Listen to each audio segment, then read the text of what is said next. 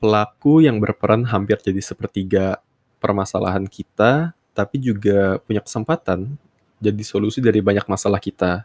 So, siapakah dia? Ya, udah tahu sih jawabannya ya ada di judul gitu.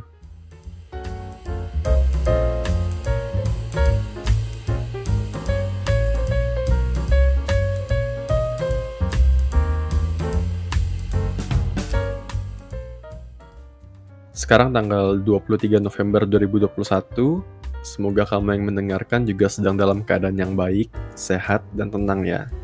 Semoga hari ini juga hari yang baik buat kamu, dan terima kasih udah meluangkan waktunya sepersekian dari harimu untuk mendengarkan ocehan ini. Dan mungkin karena ini episode terakhir dari series Climate Crisis is More Than the Pandemic, itu uh, eh, gue mau to the point aja, karena ini panjang episodenya. Kemarin aku bagi jadi 9 bagian, dan ini bagian pertama, tapi sebelumnya gue mau coba recap juga ya dari episode-episode sebelumnya. Siapa tahu ada yang tidak mendengarkan episode 1 dan 2-nya kemarin. So, previously on Rasa Rasa. Jadi, kayak kemarin, gambaran besar masalahnya itu dimulai dari aktivitas kita, manusia, yang terus-terusan bergantung dan membakar bahan bakar fosil gitu. Semakin banyak yang dibakar, semakin banyak gas rumah kaca atau greenhouse gases yang nongkrong di atmosfer gitu semakin banyak yang nongkrong, semakin banyak juga panas yang kejebak gitu. Semakin panas buminya, semakin besar potensinya terjadi bencana-bencana. Nah, bahan bakar fosil itu kan masalah salah satu apa ya? Bisa dibilang akar masalahnya ini gitu. Dan kenapa kita sulit beralih darinya? Karena dia merupakan sebuah produk yang dipakai untuk ngebuat banyak hal. Demandnya akan semakin bertumbuh di masa depan karena pertumbuhan penduduk dan kota juga gitu kan, selalu bertambah.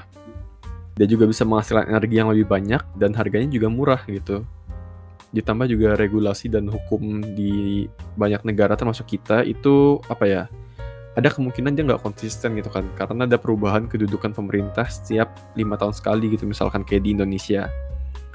Sementara isu ini juga nggak adil gitu kan in one way gitu.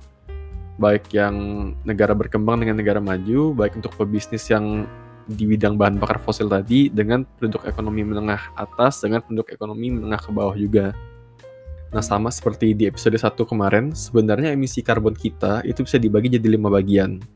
Yang pertama itu 31% atau sepertiganya adalah untuk kita menciptakan sesuatu kayak material, kayak plastik dan semacamnya, plus juga apa yang kita pakai di bangunan. Yang mana bakal ada di part 2 dan 3 dari series ini.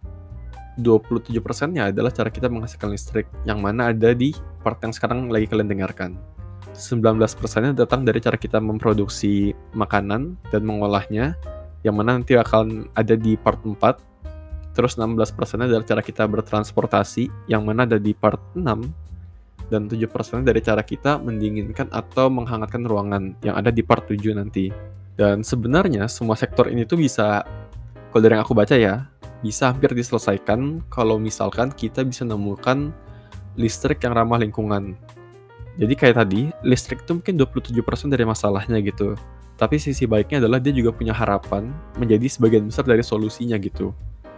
Jadi kalau kita misalkan bisa dapatkan listrik yang ramah lingkungan atau zero carbon, kita bisa banyak dikarbonize sektor lain yang tadi gitu.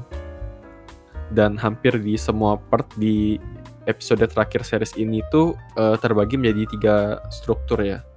Jadi ntar gue bakal mungkin mostly mulai dari apa isunya dari setiap partnya, Terus gue juga bahas apa yang lagi progres atau para ahli di bidangnya melakukan tentang sektor itu. Dan terakhir adalah apa yang kita bisa lakukan sebagai individu, sebagai orang biasa gitu. Kayak kayak gue gitu. Nah kalau misalkan kita ngomong listrik itu sebenarnya uh, masalahnya sama ya. Masalahnya kayak tadi karena mostly kita masih manfaatin bahan bakar fosil sebagai sumbernya gitu kan. Yang mana dia tadi lebih murah, jadi orang sulit juga untuk beralih gitu belum ada masalah-masalah politik atau ekonominya juga gitu kan ya gitu. Nah salah satu solusi yang paling besar atau yang paling berpengaruh tadi adalah kalau misalkan kita bisa ngebuat pembangkit listrik yang ramah lingkungan.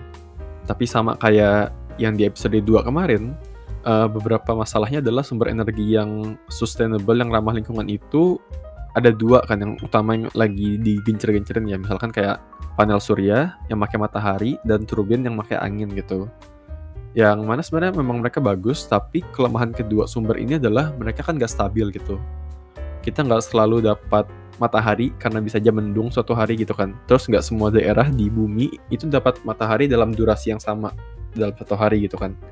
Sama dengan angin juga, kita nggak bisa menentukan arahnya ke mana gitu kan.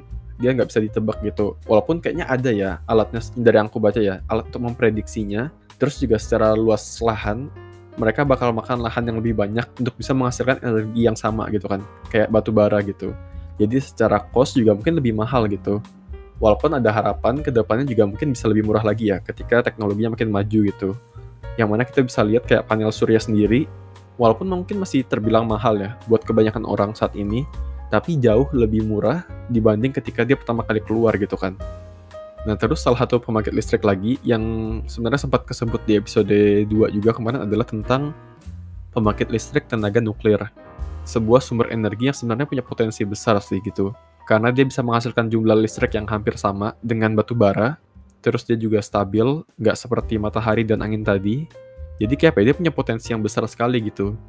So it's all good gitu. Sampai kita tahu apa resikonya gitu kan. Kelemahannya adalah so it's all good sampai sini gitu kan. Tapi dia punya kelemahan juga gitu. Seperti yang kita tahu, eh, resikonya cukup tinggi gitu. Kayak apalagi kita udah pernah ngeliat beberapa kejadian besar ya, seperti bocornya pusat nuklir yang di Chernobyl, Rusia, Three Mile Island yang di Amerika, terus Fukushima yang di Jepang gitu. Yang mana kalian juga bisa cari sih di YouTube atau Google karena banyak dokumenternya sih yang ngebahas tentang mereka gitu. Nah, tragedi-tragedi besar itu mungkin yang ngebuat banyak orang jadi takut dan akhirnya menolak pembangkit listrik tenaga nuklir gitu kan. Yang mana menurutku normal ya. Karena ketika kita terancam, kita akan berusaha sebisa mungkin untuk menghindari resikonya lagi gitu kan. Tapi bukan berarti juga nggak mungkin untuk kita bisa manfaatin tenaga nuklir ini gitu. Karena kalau dari yang aku baca juga, juga sedang ada ilmuwan-ilmuwan yang mencoba apa ya, membuat pembangkit listrik tenaga nuklir yang lebih aman dan resiko bocornya itu lebih kecil gitu. Soalnya tadi dia punya kelebihan yang sangat berpotensi tadi, So, if we can decrease resikonya gitu, bisa ngurangi resikonya, itu akan sangat ngebantu gitu.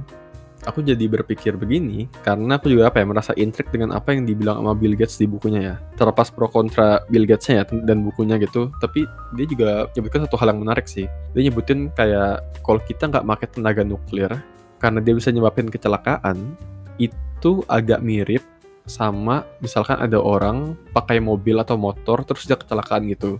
Apakah kita harus berhenti pakai mobil dan motor semua orang gitu? Jadi kayak that's a good question menurutku gitu kan. Cause it got that potential tadi itu semua gitu potensinya besar gitu. Sementara kalau dari buku yang What We Need to Do Now-nya Chris Goodell yang yang ku bilang jadi tambahan referensi kemarin kalau dia yang ngebedain dia sama Bill Gates ya salah satu yang ngebedainnya adalah dia lebih banyak ngebahas tentang pembangkit listrik tenaga hidrogen. Karena hidrogen itu kan gas yang apa ya universal ada di seluruh dunia gitu. Dan mudah dibuat karena bahan dasarnya adalah air gitu. Karena air kan kalau di kimia tuh H2O ya mungkin kalian tahu juga. Jadi gue nggak ngerti metodenya gimana ya karena terlalu kimia gitu. Cuman ada metode yang bisa mecahin atau apa ya misahin hidrogen sama oksigen tadi itu gitu. Nah dan si hidrogen ini katanya kalau dia dibakar untuk jadi pembangkit listrik itu dia juga hampir nggak meninggalkan jejak karbon katanya karena ketika dibakar dia akan terbang ya ke udara gitu di udara dia ketemu oksigen gitu Nah, hidrogen ketemu oksigen, terikat lagi dia akan jadi H2O lagi gitu, yang mana jadi air lagi. Jadi muter terus gitu. Dan cara ini bukannya nggak mungkin ya, karena ternyata udah dipakai di salah satu pulau gitu. Di UK, namanya Pulau Orkney, kalian bisa cari juga. Pulau Orkney, O-R-K-N-E-Y, yang mana sebenarnya menarik buat gue ya, walaupun gue nggak terlalu paham teknis kimianya tadi itu ya prosesnya gitu. Nah terus yang gue baca juga, ada juga orang-orang yang ngerasa sebenarnya kita tetap bisa aja pakai batu bara kayak yang kita lakukan sekarang gitu. Yang penting adalah gimana cara kita bisa ngambil karbon yang nongkrong di atmosfer tadi gitu. Sebenarnya gue nggak setuju-setuju banget dengan cara ini ya, tapi gue cuma ngomong karena pengen ngasih gambaran ternyata ada juga orang yang merencanakan hal ini gitu. Jadi kayak kita nggak apa-apa bakar seperti biasa, tapi kita ambil lagi di udara gitu. Dan ternyata bener ada teknologinya. Namanya adalah DAC atau DAC atau Direct Air Capture. Kalian bisa cari juga ya kalau mau penasaran gambarnya gitu di AC. Jadi dia itu kayak mesin yang perannya adalah ngisap karbon gitu. Terus ntar dia tampung, terus lewat semacam proses kimia lagi, dia bisa dipakai lagi gitu karbonnya. Nah jujur aku awalnya juga sempat mikir ya, emang karbon yang diambil itu dipakai buat apa ya gitu kan. Terus ternyata ada salah satu perusahaan yang bergerak di direct air capture tadi di AC tadi itu dia ngambil karbon yang dia tampung diolahnya lagi terus dijualnya ke mana? Ke pabrik-pabrik minuman bersoda kayak Coca-Cola, Pepsi dan kawan-kawannya. Mereka perlu karbon untuk ngebuat yang gelembung-gelembungnya tuh rasa sodanya itu makanya gue baru sadar ya pantas namanya disebut minuman berkarbonasi gitu. Nah tapi kelemahannya si DAC ini adalah uh, saat ini dia juga mahal sekali gitu secara cost gitu. So but we don't know ya in the future gimana gitu. Nah salah satu faktor pentingnya juga tapi kalau misalnya kita bisa nemu pembangkit listrik yang ramah lingkungan tadi adalah uh, para saintis ini atau gue nggak tahu siapa tahu yang dengerin podcast ini ada calon-calon saintis masa depan kita perlu buat baterai yang dia bisa nyimpan lebih banyak listrik terus dia bisa tahan lebih lama juga gitu atau sebaliknya para perusahaan atau kalian yang misalkan mau buat produk-produk yang menggunakan listrik bisa di-upgrade gimana sedemikian rupa supaya barang-barang elektronik itu bisa lebih hemat juga pada akhirnya gitu. Misal kayak handphone gitu yang bisa cuman perlu di charge-nya sejam tapi bisa dipakai berjam-jam gitu tanpa perlu di charge lagi hal-hal kayak gitu bakal ngebantu sekali. Dan sebenarnya ini udah mulai dilakukan ya. Kayak Samsung dan Apple itu leading banget gitu. Uh, handphone-handphone yang di charge sebentar tapi udah bisa dipakai berjam-jam gitu kan. Jadi sebenarnya salah satu kunci ngatasi masalah listrik ini sekaligus ngebuka pintu peluang ngatasi masalah lainnya adalah dengan ngebuat tadi ngebuat pembangkit listrik yang ramah lingkungan. Which is easy to say ya tapi susah dieksekusi gitu dan akan sangat lebih baik kalau misalkan setiap kota atau daerah itu sebenarnya bisa ngasilin listriknya sendiri based on aset mereka apa yang ada gitu di kota mereka. Misal kayak kota asal gua Samarinda itu sebuah kota yang menarik sebenarnya dia sebuah kota yang terbagi menjadi dua oleh Sungai Mahakam. Salah satu sungai terlebar dan terbesar ya di Indonesia kalau nggak salah. Dan aku jadi mikir gitu kayak apakah sebenarnya sungai itu bisa dimanfaatkan ya? Menjadi sesuatu yang berhubungan dengan pembangkit listrik gitu pemikiran selintas ya. Gue sih nggak tahu karena gue bukan ahlinya gitu. Siapa tahu kan juga ada yang mendengarkan ini jadi ahli tata kota ke depannya gitu di masa depan juga bisa mengajukan pembangkit listrik yang sesuai dengan apa yang ada di daerah itu gitu. Dan kalau dari sisi individu yang paling sederhana ya hemat listrik gitu. Kita gunakan seperlunya saja karena pada akhirnya highlight series ini ya. Dari semua yang setelah gue tulis, gue rangkum semua, gue mulai sadar sih sebenarnya masalah besarnya itu adalah overconsumption. Ketika kita mengkonsumsi sesuatu secara berlebihan gitu.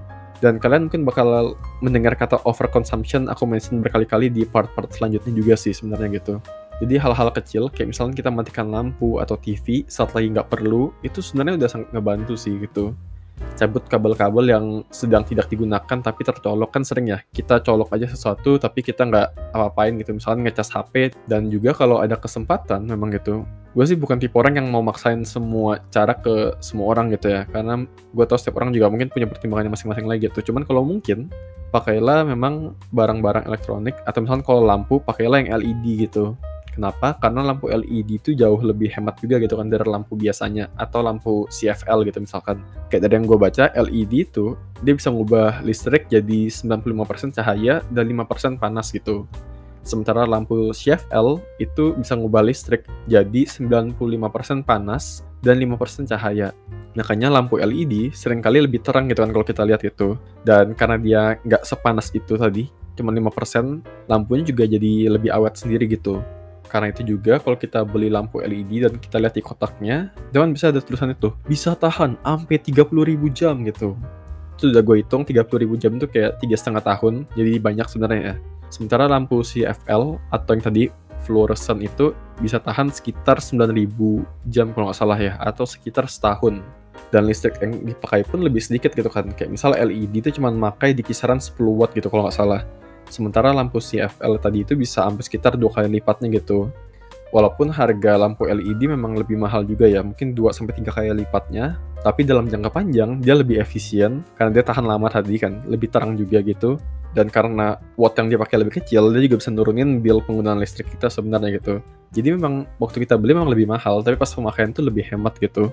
Plus juga termasuk ke barang-barang elektronik yang kita pakai di rumah ya. Kalau misalkan memang ada kesempatan, sebisa mungkin juga pakai yang ramah lingkungan gitu kayak mesin cuci, kulkas atau semacamnya. And I think that's all ya for electricity gitu. Nah tapi sebenarnya uh, seperti yang udah dibilang tadi di awal sektor paling tinggi itu sebenarnya adalah how we create things gitu kan 31%. sektor paling tinggi karena berhubungan dengan sangat banyak hal, terutama dalam kita memproduksi bahan-bahan dasar material gitu. Misalnya kayak beton, besi, baja yang kita pakai hampir di semua rumah. Terus plastik yang ada di berbagai produk dan bahan-bahan pakaian kita atau yang ada di fashion kita gitu. Nah, kita bakal coba breakdown satu persatu ya. Dan BTW sebenarnya masih banyak juga ya material-material lainnya. Cuman yang akan gue bahas adalah yang spesifik di beberapa yang major aja gitu. So, stay tune. Paling itu aja dari gue di part pertama dari penutup series ini. Semoga waktu yang kamu berikan untuk mendengarkan ocehan ini dapat ditukar menjadi sesuatu yang ada nilainya juga ya. Terakhir, karena rasa-rasanya adalah wadah untuk orang membagikan apa yang ada di kepala mereka, baik itu ide, opini, atau keresahan. Kalau misal ada yang ingin kalian ceritakan, jangan segan untuk cerita lewat DM di Instagram mau anonim juga boleh nggak apa-apa karena menurutku semua orang masih punya ceritanya masing-masing tapi nggak semua tahu harus cerita ke siapa dan gimana caranya. Jangan lupa juga untuk follow up di sosial media rasa-rasa di Instagram temani maskot kita juga si Reza. Kalau misalnya episode ini menarik buat kalian mohon bantuan juga ya untuk di share it helps a lot sih guys terakhir semoga segala sesuatu yang kalian rencanakan dan usahakan bisa berjalan lancar Kenny Lesmana di sini dan sampai jumpa di rasa-rasa selanjutnya.